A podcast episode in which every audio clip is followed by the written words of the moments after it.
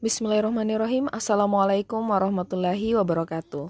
Welcome back with me, Wimutia Syahira, still in Sarjas podcast. It's a really, really long time to see, so I would like to come back to you with another stuff about teaching from Japanese. It's about the philosophy that can improve our life drastically. So, in a world that is riddled with high stress levels, fast paced living, and realistic pursuit of perfection, and a damaging affliction with materialistic wealth, there is an ancient Japanese way of life that can be just what we need right now to save us from our total demise.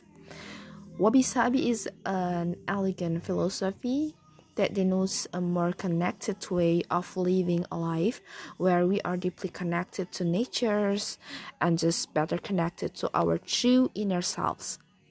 Wabi Sabi is a concept that motions us to constantly search for the beauty in imperfection and accept the more natural cycle of life.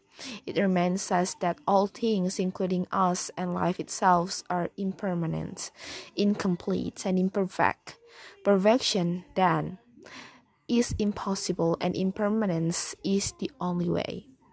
Taken individually, wabi sabi are two separate concepts. Wabi is about recognizing beauty in humble simplicity.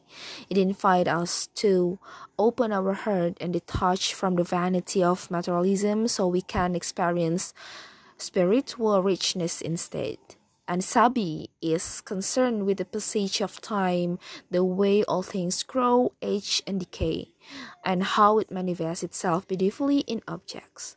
It suggests that beauty is hidden beneath the surface of what we actually see, even in what we initially perceive as broken. Together, Together, these two concepts create an overarching philosophy for approaching life, accept what is, stay in the present moment, and appreciate the simple, transient stage of life. There is a plethora of wisdom embedded within the very fabric of this age old philosophy. Here are five of these wabi sabi teachings that can better help you to fully step away from the modern day struggles of moving fast, striving for perfection, and chasing inorganic forms of success.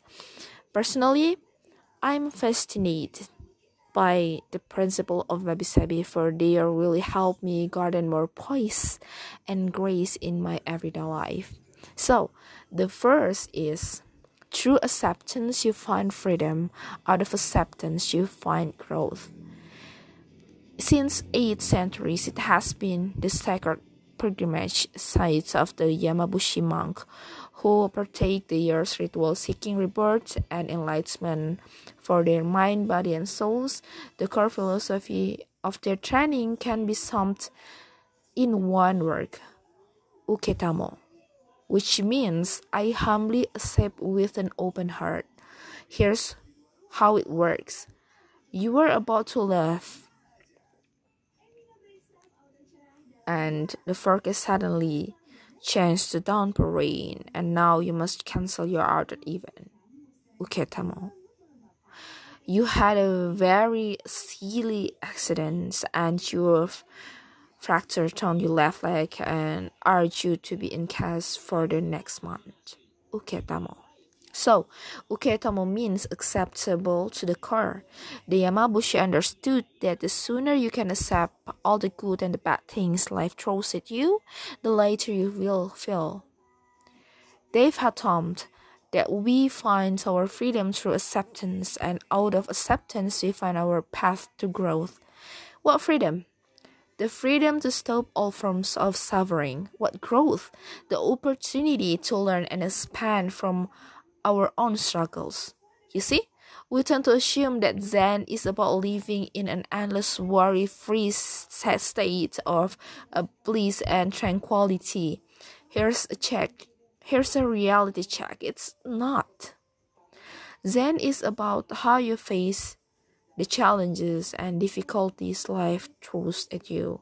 It's about how you deal with the inevitable realities of failure, grief, worry, and loneliness. Zen is in your response. Will you accept the imperfect flow of life? Or will you fight it? Will you find peace in what is right here, right now? Or will you deny it and just continue your struggle with it? The idea is quite simple.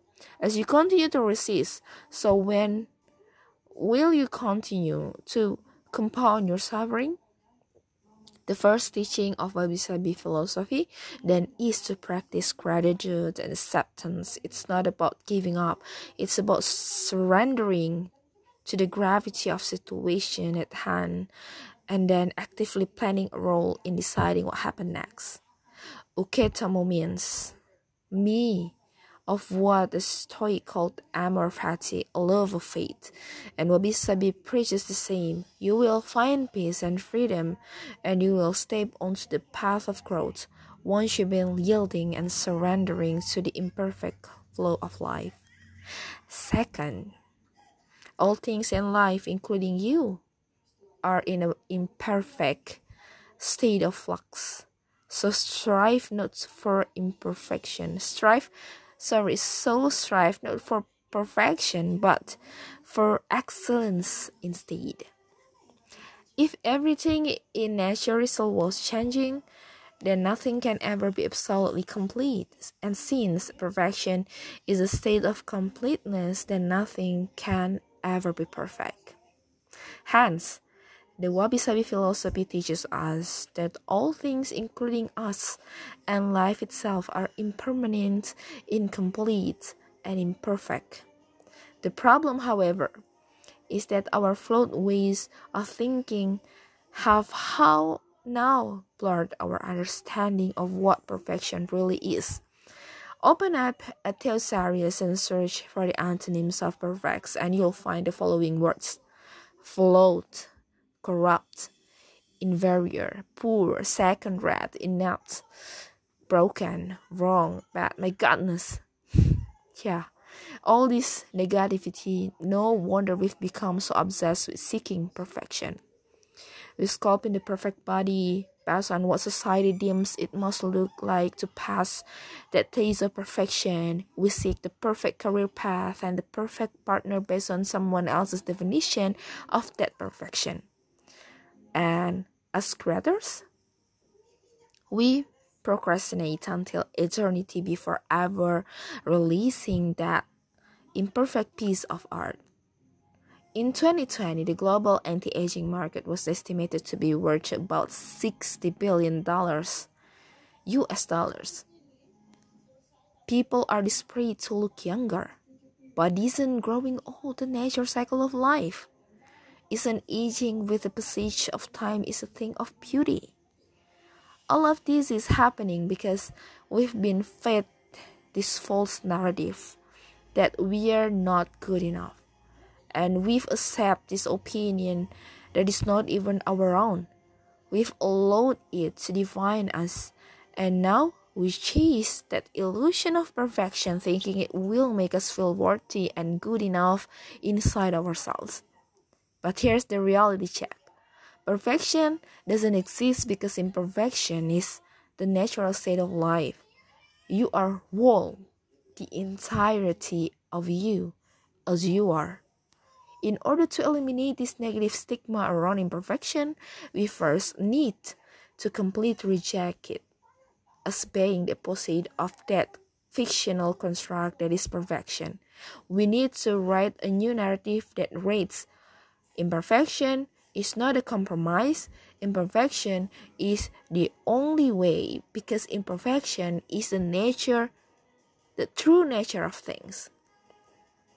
The third teaching of Wabi philosophy is simple. Strive not for perfection, but for excellence instead. In other words, simply do your best to be the best that you can be. This aligns with one of Don Miguel Ruiz's four agreement for achieving personal freedom.